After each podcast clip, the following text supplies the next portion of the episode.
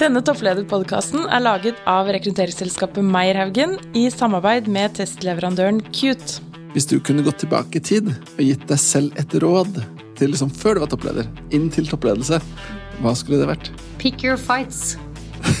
det var veldig konkret og ja, enkelt. Eh, det tenker jeg at jeg hadde fått noen eh, råd på det å ikke gå i krigen på absolutt alt du mente var viktig å ta tak i. Eh, men av og til bare si ok, den der bare lar du gå.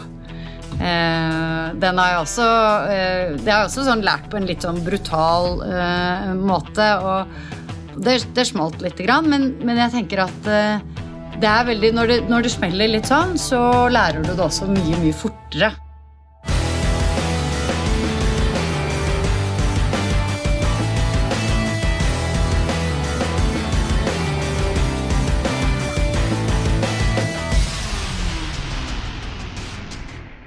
Ja, Sverre. I dag er vi så heldige at vi har med en veldig spennende gjest. Ja, Og vi er ikke i studio, vi er på besøk hos en gjest i dag. Ja, for nå må vi si at eh, vi har spilt mye digitale podkaster fra sånn hjemmekontor og sånt, men i dag er vi on location. Og Siri Børsum, eh, du, er, du har en veldig fin tittel. Vil du ta den selv? Ja, det var som jeg sa innledningsvis. Hvis jeg husker den, for den er veldig lang, men vi kan prøve. Um, Global Vice President Financial, Financial Vertical uh, Huawei uh, Mobile Services at Consumer Business Group. Det er en munnfull. Ja, jeg tror ikke jeg kommer til å bruke den så veldig mye, altså. Uh, men den er nå der. Men skal vi for kort, da, sånn for vår del, kalle det sånn leder for Huawei i Norge? Nei, jeg er ikke det heller, skjønner du. Men jeg skal jobbe mot én uh, spesifikk del av uh, en oppgave som vi har nå med å bygge det nytt mobilt økosystem. Det tredje globale økosystemet. Det er det som Og da skal jeg jobbe inn mot bankfinanssegmentet på et globalt nivå. Det er veldig spennende. Og dette gleder jeg meg å komme tilbake til, men vi har lyst til å bli litt bedre kjent med deg først. Så hvis jeg hadde møtt deg på en uh, sosial tilstelning, da, kall det gjerne en fest, og så hadde jeg spurt du Siri, hva mener du om? Og så finner jeg bare ut at dette er det temaet som treffer deg akkurat der du liker. Du kan prate om det hele kvelden, og det er liksom, jeg bare ser på kroppsspråket at dette er et fantastisk tema. Hva slags tema skulle det vært? Det kan være ganske mange temaer, fordi jeg har Jeg, jeg mener mye om mangt. Ja. Um, og jeg kan fort bli veldig, veldig engasjert, spesielt over ting som, som kanskje kan provosere meg. Uh, hvis vi f.eks. kan snakke om diversity, uh, kvinnelige ledere, om hvor vanskelig det kanskje kan være å uh, komme komme til bordet og få en plass rundt bordet. Sånne type temaer kan jeg synes er spennende. Men jeg tror sånn Personlig så er jeg jo en eh, er i en aktiv familie. Eh, veldig glad i eh, sport og idrett. Være ute i frisk luft. Naturen høres jeg kanskje litt sånn Det er litt voldsomt ut, men, men det er jeg. Så og der kunne vi godt ha tatt et tema som som handlet om barn og idrett, f.eks. Ja. Eh, eller vi kan snakke om kvinner og idrett. Eh, det kan være temaer som kan eh, engasjere meg veldig. Så f.eks. toppidrett versus breddeidrettssatsing? Eksempel. Ja. Det kan jeg synes er interessant, ja. ja eller ja, nei, La oss ikke gå inn på skihopp og kjønn og sånne ting, da. For det... Ja, for, for guds skyld. Men det er jo, vi kan jo ha diskusjoner rundt temaet som at uh, Eh, herreidrett er eh, mer eh, engasjerende enn kvinneidrett, f.eks. Ja, men... Det er det noen som mener. Ja, ja for jeg, for jeg, Nå ble jeg usikker på om du mente det, eller om det var bare som en påstand. Ja, det var bare... For jeg var ikke helt enig i det nødvendigvis. Da, hvis du ser på håndballkvinne, da. Har jo engasjert mer enn håndballherrene, i hvert fall så lenge jeg har levd. da. Ja. Så litt ja, forskjell, men og, Nå skal ikke jeg begynne å fyre opp det her, men for eksempel, en ting jeg som har slått meg som veldig rart, er hvorfor er det kjønnsklasser i skyting? Hvorfor er det kvinneklasser og herreklasser i skyting? Ja, Du har det samme i sjakk og dame. Ja. ja, men jeg skjønner ikke. Mm. Fordi du kan forstå det i kanskje fysiske idretter hvor det er fysiske forutsetninger, men skyting er jo ikke akkurat Nei, der ser du. Dette kunne vi prata om hele kvelden, da. Det er akkurat det man kan. Og det, så jeg syns det er veldig jeg synes det, er, det, er, det er morsomme temaer. eh, og man kan ha mange forskjellige vinklinger. Men vi tenkte vi skulle tilbake til dette temaet for i dagens podkast. Vi er jo så heldige som har pratet med deg, og da skal vi omhandle dette med teknologi, teknologirekruttering, dette med internasjonalisering, det å jobbe i et globalt selskap. Og så har jeg lyst til å prate litt om den nye normalen, for denne podkasten blir jo tatt opp da i slutten av mai, eh, eller kanskje midten av mai. Og ting begynner å løsne kanskje litt på det smittemessige på koronaen, i hvert fall her i, eh, i Norge. Men businessmessig så er jo de store mørke skyene er jo ikke på noen som helst slags over, da. Så vi har lyst til å komme tilbake til det også. Men På, eh, på kommentere på kontoret her var det veldig bra rutiner. da Det var jo munnbindene vi kom inn og ja da, her var det alt på stell. Alt på stell. Men jeg tenkte om eh, Sier du Huawei og Huawei? Jeg sier nå Huawei. Eh, Jeg sa nok Huawei eh, før jeg begynte. Så jeg, har pro progresjon, tror jeg. Det er, eh, men Huawei er, er sånn jeg har valgt å uttale det nå. Ja. Ja, Vi er ikke noen Kina-eksperter, noen av oss. I hvert fall ikke Sverre eller meg. Men Nei, jeg har vært i Kina, da. Ja, du har vært i Kina. Men jeg tenkte, sånn, hva er, hva, er, det- hva er det du skal få til her innenfor ditt område? Hva, er det som, hva, hva ble du ansatt for, Siri? Ja, det er jo eh, ikke Litt sånn bakgrunnen bakgrunn eh, på hva som skjer. Som jeg sa innledningsvis, så skal eh, vi nå bygge et tredje mobile økosystem. Og det er spennende på veldig mange måter. To fordi at eh, man har til nå hatt to. Og man vet at når det kommer flere aktører på banen, så blir naturligvis konkurransen større. Og dermed så kommer det også en, forhåpentligvis også en utvikling i, eh, innenfor dette fagområdet eh, og feltet. Hvorfor jeg eh, syns det er spennende, fordi for meg så har det med eh, brukeropplevelser Det ligger veld, mitt hjerte veldig nært etter tolv år i Google. Og det å på en måte sette brukeren først og ha brukeren i sentrum. Og det, og det syns jeg er spennende. Og det er klart at når du har eh, med, eh, med apper, eh, så, så har man anledning til å lage veldig, veldig gode brukeropplevelser. Eller dårlige. Nettopp! Det kan man også gjøre. Men jeg tenker at jeg skal fokusere på det at vi skal lage gode brukeropplevelser. For det er jo det som er mulighetsrommet her. For å bygge dette nye økosystemet så trenger vi å få alle appene som er der ute, som forbrukerne eh, benytter seg av, eh, som dere har på deres telefon. Det trenger vi å rett og slett få eh, inn nå i det som er Huawei sin appbutikk, som, som vi nå kaller App Gallery. Så da har du eh, AppStore, og så har du Google eh, Play Store, og så har du da App Gallery. Så nå blir det det tredje. Men jeg må spørre, da. Ja? Og jeg ser jo på meg selv som ganske sånn oppegående teknologisk. Men når du sier det tredje mobiløkosystemet, økosystemet, så må jeg innrømme at da føler jeg meg veldig dum, for jeg vet ikke hva de to første er. Nei, det var jo akkurat det. Altså, det er jo eh, Apple sitt eh, økosystem. Ja, sånn, ja. ja, Ja, Og så har du da Google sitt, og, som er går på Android. Aha. Og så har du da eh, Huawei sitt, som også er på en Android-plattform, men som da har eh, sitt eget eh, sine egne AppKit. Ja. Og AppKit er noe du trenger for å få appen til å gjøre forskjellige ting. Bl.a. blant annet hvis den skal sende push, not push notifications, f.eks. Ja. Så, så, eh, så eh, nå har vi eh, bygget eh, Det er 3000 ingeniører som sitter i Shenzhen, og de jobber jo skiftarbeid for nå å bygge opp eh, et AppKit eh, som er på likt nivå med det som både Apple og Google har fra før av. For, for her går man liksom i næringen på at de, det er de to. Det er ikke noen andre småaktører, eller? Som Nei, man har jo eh, Samsung har forsøkt å lage sin, men det er på Android med bruk av uh, AppKittet til Google. Så det er jo flere som uh, Microsoft forsøkte seg. eh, men jeg tror forskjellen her er jo eh, den situa politiske situasjonen eh, vi er i, som gjør at eh, vi var nødt til å ta noen grep for å kunne rett og slett selge telefonene. Og det er jo det som er det interessante. Nå går vi litt bort fra hva spørsmålet var, om hva Ja, jeg skal gjøre. men men Huawei er jo en, en leverandør av hardware Ja. i utgangspunktet. Og har eh, de siste årene hatt en helt enorm utvikling på eh, spesielt telefonene sine. Og markedsandelen har jo skutt i været i forhold til og tatt eh, Og er nå verdens nest største leverandør av mobiltelefoner i, ver altså i verden. Ja. Naturligvis verdens største, ja. så, så, så, dermed så um, er det jo det som er utgangspunktet. Um, for å da bygge dette nye økosystemet. Og så tror jeg at eh, for å få til det, så er det erfaringer som tilsier at bransjer er veldig forskjellige. Gamingindustrien eh, er en industri, og så har du finansindustrien som er en helt annen. Helt annen type tenk, helt andre type mennesker, en helt annen industri.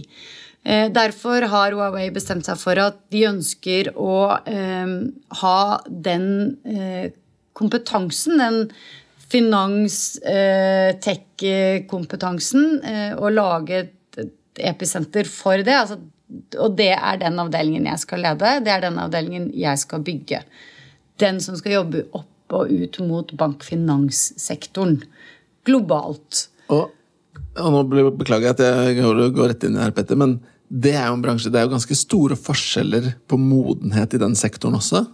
Veldig, veldig. Og, veldig, og det som eh, jeg syns er jo så spennende, er jo å se på hvordan den bransjen har utviklet seg de siste ti årene med alle disse fintech-selskapene som kommer og hva skal jeg si, spiser litt av verdikjeden hele tiden av de tradisjonelle bankene som, som i hvert fall jeg har vært vant til å forholde meg til. Um, og så tror jeg for min del, når disse brand, altså appene er inne i App Gallery, så det er, jo, det er jo ikke det som er grunnen til at jeg tok jobben. Det er jo hva skal vi gjøre når de er inne? Hvordan, hvordan kan vi samarbeide med alle de aktørene i bankfinanssektoren som har lyst til å skape enda bedre brukeropplevelser gjennom sine apper. Det er det jeg syns er kjempegøy og veldig veldig spennende, og som eh, var en av de eh, grunnene til at jeg kunne huke av og si dette er en spennende jobb for meg. Så, ja, så jeg vet ikke om det var klart og tydelig. Det er, det er ikke så lett, men jeg prøver å gjøre historien så, men, så enkel som mulig. da. Men noe som heller ikke har vært så veldig lett. at det er klart Du starter som toppsjef her, eh, og så kommer du da midt i en verdensomspennende pandemi, så du har nå logget eh, to måneder på hjemmekontor. Mm. Og eh, hvordan er det liksom å starte litt fra benken? Nei, altså det jeg tenkte, eh, jeg begynte 16. mars. Da fikk jeg Det er timing! ja, da fikk jeg en PC og en telefon, og så sa de 'go home'. så tenkte jeg bare hjelpes, hva gjør jeg nå? Nei, onboarding har jeg ikke hatt ennå. Jeg skulle egentlig sittet på flyet 16.3 til Chen-Chen eh, for en da to-tre ukers onboarding. Ja. Eh, så det fikk jeg jo ikke. I tillegg så går jeg over eh, og bytter alle, absolutt alle plattformer naturligvis som jeg har vært på. I og med at jeg kommer fra tolv år med Google i fingerspissene, ja. så var jeg plutselig over på Microsoft og på alle mulige andre. Det er jeg egentlig bare glad for at jeg gjør. fordi jeg sier jo til alle andre Kom igjen, da, dere må jo teste nye ting. Og jeg peser jo alle som har iPhone, fordi at uh, jeg ja, Enten om du da skal Android, så, så er jeg veldig sånn Jeg tenker at det operativsystemet funker bedre, i hvert fall i min verden. Um, men nå ser jeg jo, merker jeg jo Det er ganske krevende når alt skjer på samme tid. Ja. Eh, og du legger til deg dårlige vaner, og det er ikke én eneste person du bare kan spørre eh, hvordan gjør jeg dette her, og hvor er shortcuten til den, og så det gjør at du blir litt treig i tillegg, da. Eh, og det er ikke det så gøy. Det føles i hvert fall sånn. Det føles vondt. Men, men, jeg må jo spørre, da, fordi det, liksom, det er jo ledelse som er tema her. Mm. Dette er jo en rammebetingelse som utfordrer mm. din ledelse. da. Mm. Kan du reflektere litt over det? Hvordan hadde ting vært annerledes tenker du, hvis det hadde vært liksom den mer tradisjonelle inngangen? da? Nei, men uh, for det første så er jo det når du skal lede noe, så er det jo det å få en oversikt over hva du skal lede. Uh, menneskene du skal jobbe med, de du er avhengig av for at man skal lykkes med dette prosjektet. Uh, fordi dette er jo rett og slett en, Vi er jo en startup i et allerede ganske eh, velfungerende, etablert selskap med 200 000 ansatte globalt. Og så, er, eh, så, skal vi bygge opp en, en, en, helt ny organisasjon inni det. Og det er jo andre, en av de andre grunnene til at jeg kunne tikke av, fordi det er jo kjempespennende. Så her er det litt armer og bein, og det er litt kaos. Eh, og vi mangler folk. Eh, så det er jo det. Så for meg så er jo liksom det å skulle én forstå Forstå hele bildet. Forstå Eh, utfordringene vi står i. Forstå hvem det er jeg har på lag. Eh, hvem det er jeg skal jobbe sammen med for å lykkes med dette. Og så skal jeg jo bygge et team. Og det er jo eh, Det er jo også ganske krevende. Fortell litt om det teamet du skal bygge, da. Ja, det Teamet skal bygges bl.a. Uh, delvis i Oslo og delvis i London. På hovedkontoret for uh, Huawei Mobile Services, som uh, vi da heter, de, vi, det skal være i London. Um, men det som var gøy, når de kom og spurte meg om jeg hadde lyst på denne rollen, så spurte de naturligvis om jeg også ville flytte. Jeg har en datter som går i andre gym. Uh, å flytte henne ut av Norge og gå glipp av noe russetid og sånn, det hadde liksom, det det hadde ikke gått. Uh, og en mann som driver med rekruttering og begynte for seg selv for noen år siden. Og for han da skulle gå ut av det. Så det var ikke tema for oss. Um, så da sa jeg uh, kjempespennende jobb, men uh, hvorfor kan vi ikke bare bygge deler av den avdelingen her i Norge? Og det så begynte vi å se litt på jo, det kan vi faktisk gjøre. Fordi bankfinans har kommet langt. Det er masse spennende fintech-selskaper i Norge. Mm. Eh, mange av bankene, altså de tradisjonelle bankene, har kommet veldig langt eh, i Norge. De har også et mindset som er ganske sånn fremme i skoene, mange av dem. Eh, så når vi begynte å diskutere det, så var det faktisk mulig. Så eh, jeg leter nå etter eh, mennesker med eh, digital banking, med fintech, med eh, forståelse for eh, payments, eh, men med da tech-entusiasme, tech-forståelse på toppen av det. Eh, leter etter mennesker som er strukturerte, gode til å lage bygge strategier. Eh, for vi skal jo lage denne strategien nå. Jo, har, du starter jo, og så tror du liksom at det er denne retningen her du skal gå, og så ser du veldig fort at oi, her var det mange ting. Masse mer jeg trenger å vite og forstå, og kompetanse som må inn i teamet. Så teamet er jeg veldig opptatt av skal være veldig eh, eh diverse, og da i form av eh, hvem eh, Ikke bare kjønn og eh, nasjonalitet og eh, den type, men, men, at vi må komme fra forskjellige hold. Vi må ha forskjellige meninger. Fordi at det er den eneste måten vi kan gå fort fremover. Da. Det, må, det må være mennesker som, som, som ikke tenker likt.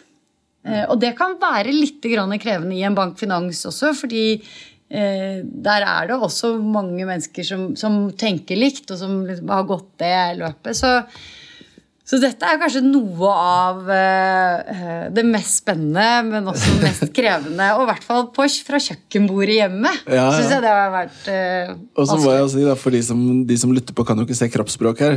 Vi spurte innledningsvis hva skal vi snakke om for å få passion. Jeg tror vi kunne snakket om dette også. ja, det er, ja, vi kan det. det er tydelig at det her, dette er Nå koser du deg, det ser jeg. Ja, jeg gjør det. Jeg, gjør det. Dette, jeg syns det er kjempegøy. Ja. Men det er selvfølgelig også uh, eh, krevende fordi eh, jeg vet ikke helt hvor jeg skal begynne. Eh, og det så, Og da, er det bare, da må du bare begynne. Ja. Eh, og så kan jeg jo ikke alt. Så, så, jeg prøver jo hele tiden å si til meg selv eh, jeg visste jo at når jeg tok jobben, at jeg tar på meg store sko. Jeg har aldri ledet en global avdeling eller team noen gang. Men der har vi noen spørsmål rundt dette. Dette er jo en topplederpodkast. Og uh, dette med topplederskap uh, Hva vil du si er den store forskjellen mellom de personene som da er mellomledere og gjerne har lyst til å bli toppledere, men ikke klarer å bli toppledere? Så, og, og, de personene som, deg, sånn som deg selv, som blir leder for en stor, stor enhet. da, eh, Global, stor virksomhet. Hva, hva vil du si, på en måte, hva, si, hva mangler de som aldri får den topplederskap-erfaringen, da? Er det flaks, eller er det hardt arbeid, eller er det noen personlighetsegenskaper? Det er nok en blanding av alt, tror jeg. Eh, Men jeg tror mest av alt så tror jeg du må på et eller annet vis ville det selv. Jeg tror det eh, Du må forstå at en sånn type jobb det, Du må ta noen valg, da. Du må, du må gjøre noen prioriteringer. Det å tro at du i en sånn type jobb f.eks. kan jobbe åtte til eh, fire, og at uh, work-life balance alltid er akkurat der det skal være, det, det, det må du på en måte legge til siden. Og det er derfor jeg tror det at hvis du skal gjøre noe sånn så Du må ha den passion for det. Du må synes at det er oppriktig gøy. Eh, fordi hvis ikke så tror jeg ikke det er verdt det. For det koster, koster litt. Så tror jeg at Ja, for det er forskjell... prosessen som har vært det, for det er ikke et mål i seg selv.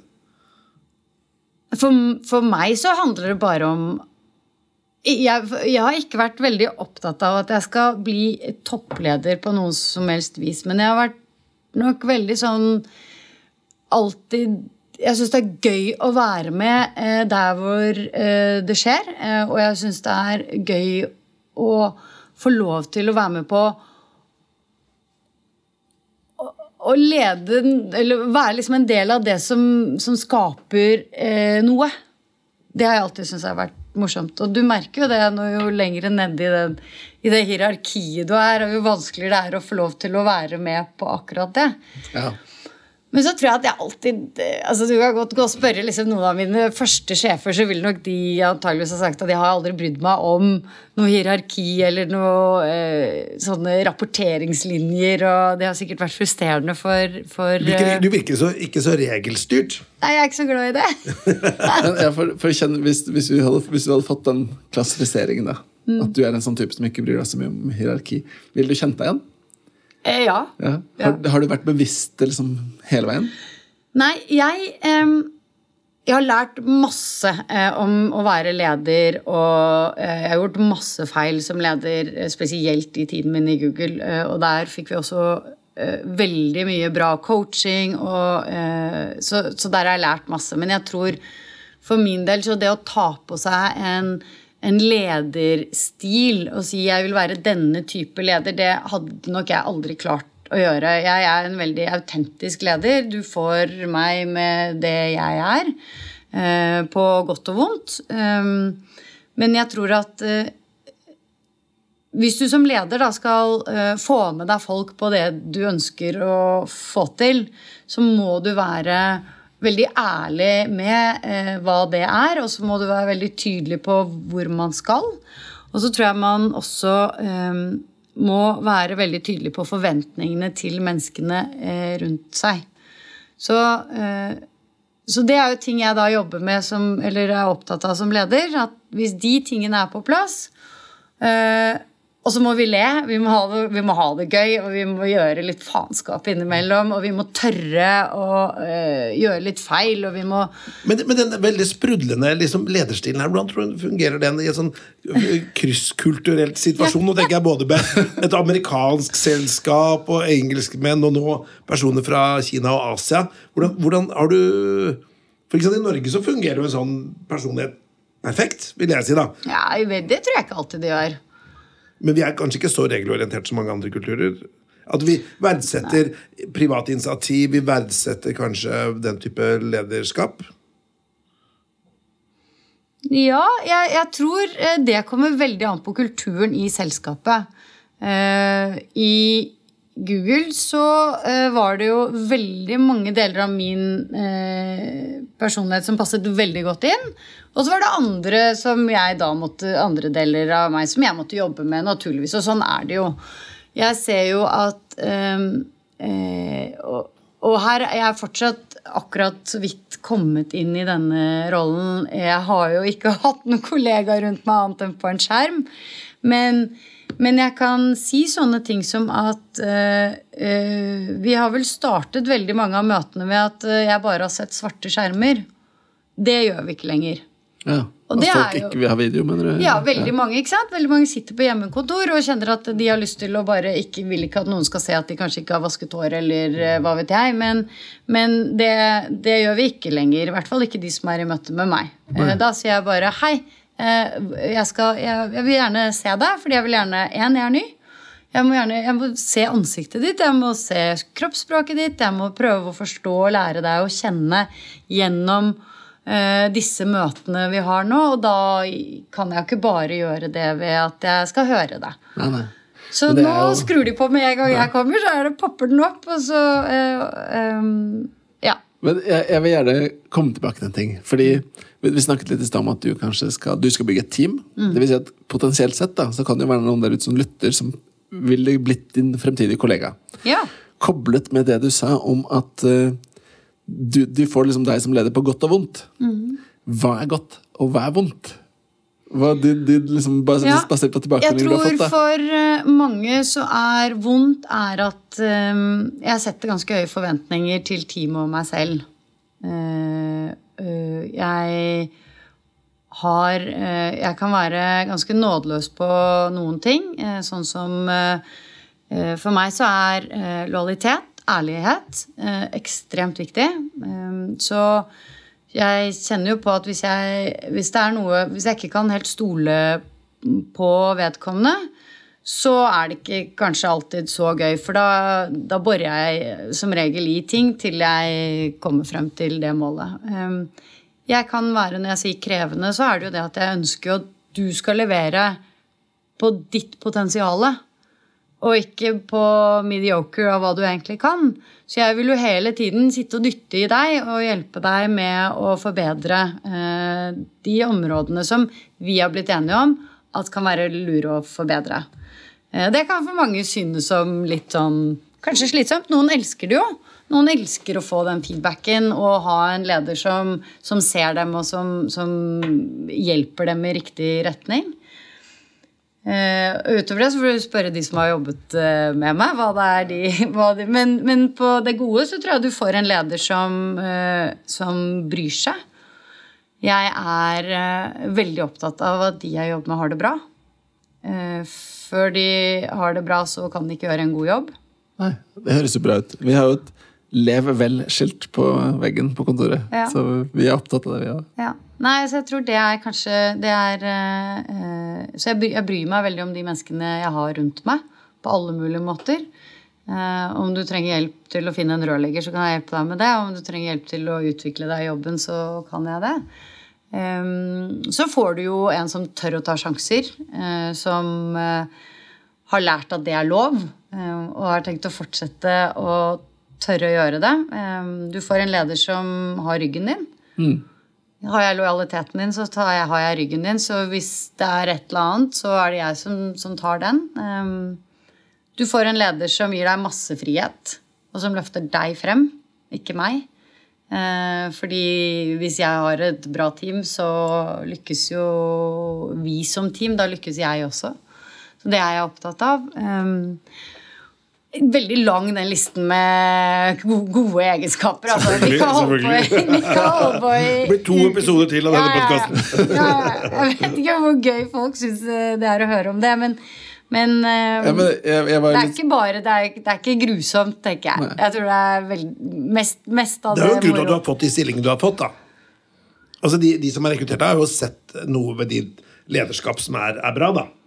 Men jeg tenkte, der, vi er, denne podkasten er jo i samarbeid med testleverandøren Qt. Ja. Og du sitter jo litt på en liten vi kan ikke si fasit, men i hvert fall noen tanker om hva som er forskjell på mellomledelse og toppledelse. Ja, altså, vi, vi, Qt har en modell som heter Shapes Executive, som er en personlighetsmodell som ser på det som ledelse og, og, og toppledelse. Eh, og så har vi snakket litt med dem, og så har de identifisert åtte ulike personlighetstrekk som de tenker ofte de ser lader inn på toppledelse. Så er jeg spent på, jeg har lyst til å bare nevne hvert av de, og så, så skal du få lov til å svare ja eller nei på om du mener om det har vært med på hvorfor du har fått denne rollen du har i dag. Altså, Ok. tatt det ditt i dag. Ja, Da, da begynner vi. Og du kan få lov til å redegjøre litt etterpå, men først ja eller nei. Okay. Overbevisende. Ja. Eh, Er du hensynsfull? Ja. men du måtte tenke deg litt om.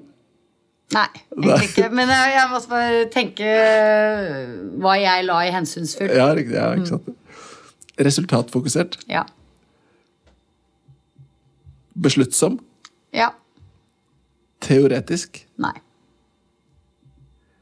Optimistisk. Ja. Behersket. Nei.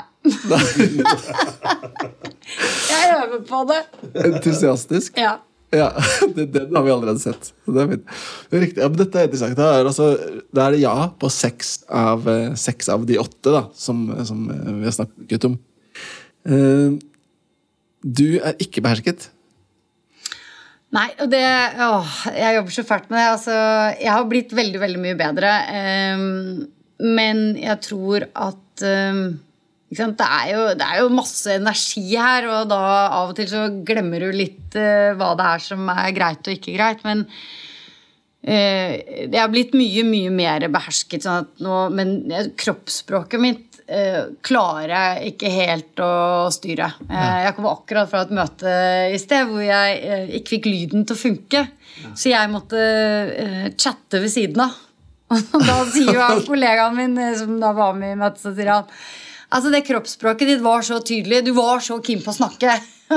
sånn at ja, det klarer jeg jo ikke helt. uh, ja, Uh, så ja, det er vel kanskje sånn i forhold til behersket at uh, jeg klarer ikke helt å styre min uh, kanskje frustrasjon noen ganger, eller Men, men, men i noen eller... kulturer så er det å være behersket eh, regnes som en av de viktigste egenskapene. Jeg var i Vietnam i sommer, og da ser du at det, hvis man blir veldig glad Mm. eller veldig sint, så kommer du ingen vei. Det var i hvert fall Min lokale guide der nede som hadde bodd der i mange år. Mm. Så at der var liksom det, med, det var en veldig dyd. da Jeg vet ikke om det kjennetegner andre, andre asiatiske kulturer, men i Vietnam så var det beherskethet var liksom en av de absolutt viktigste tingene. Ja. Har du opplevd at det kunne være en eh, problem noen gang? Ja da, altså at det er et problem, det er jeg ikke i tvil om. Eh, absolutt. Eh, og jeg er jo veldig bevisst på det nå. Ikke det, nå, har jeg, ikke sant, nå har jeg jobbet her i, i to måneder.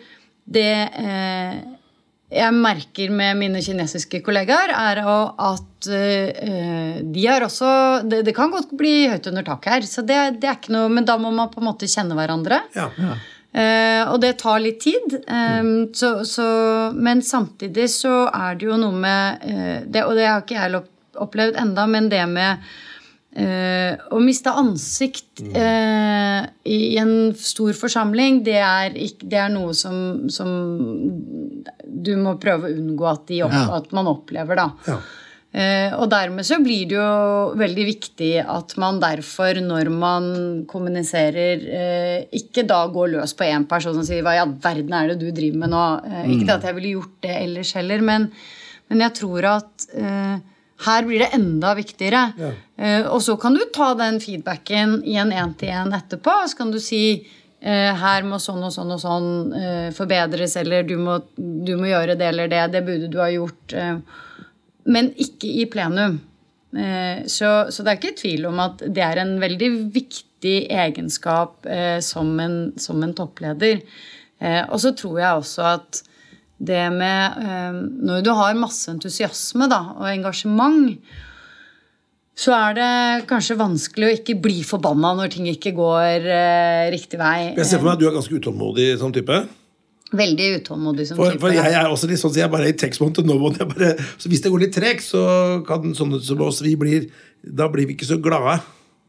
Nei, men eh, Og igjen så tror jeg det også er sånn som må Én ting er at du kan med hell hjelpe folk til å bli raskere og komme eh, raskere til målet. Det, det tror jeg.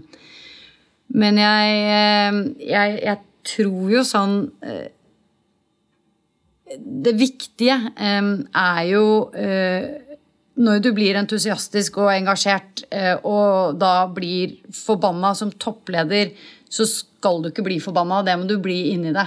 Du må, eh, og det er forskjellen tror jeg, på en mellomleder og en toppleder, er jo at mellomlederen har det, akkurat det ansvaret, og det er det som er viktig. Mens en toppleder skal forsøke å se det store og det hele bildet. Ok, så møter du litt grann veggen det ene stedet, da, så så går det fint, fordi det er så mange andre ting som går bra. Og så tror jeg akkurat når det gjelder Huawei og eh, den utfordringen vi står i nå, så kan du ikke la deg Du kan ikke la deg liksom provosere for mye av å møte litt eh, motstand.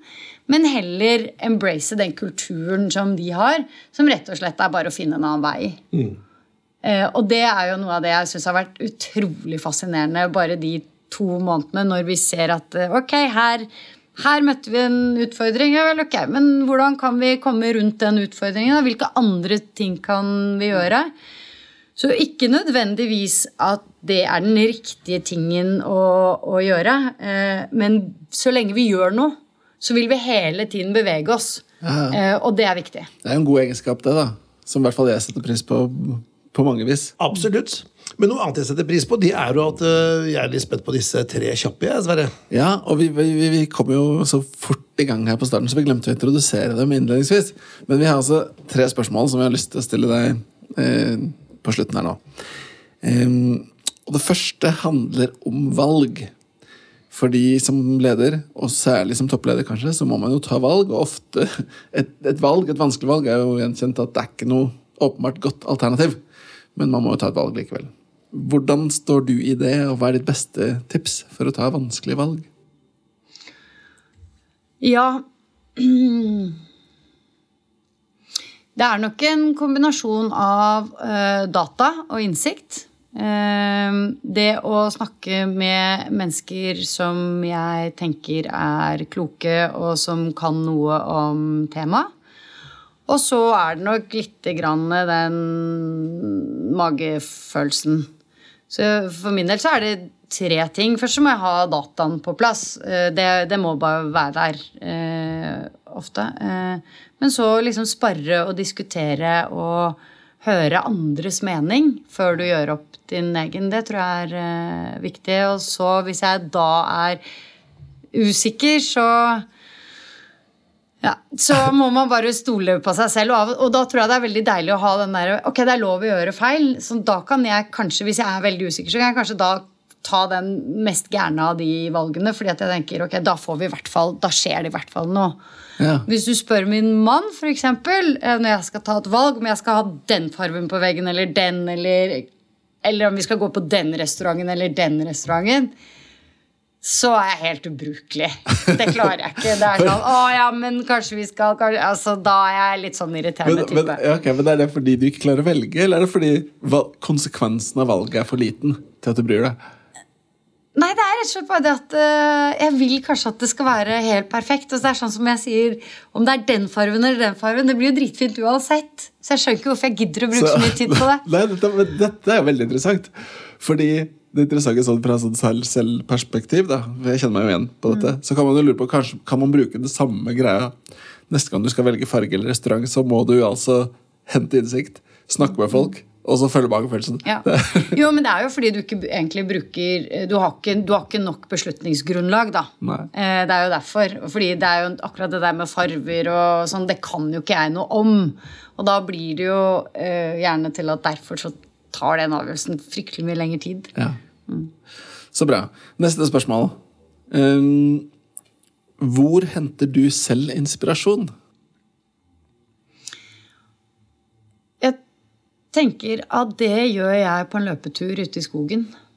Uh, gjerne med en podkast på øret eller musikk eller andre typer ting. Um, jeg er veldig For min del så er det å være det, det å være ute og bevege meg, det gjør at jeg føler at jeg kan overleve egentlig hva som helst. Um, men spesielt sånn for, for kropp og sjel og hode så, så er det bra. Og da er jeg både kreativ, da kommer jeg opp med masse gode ideer.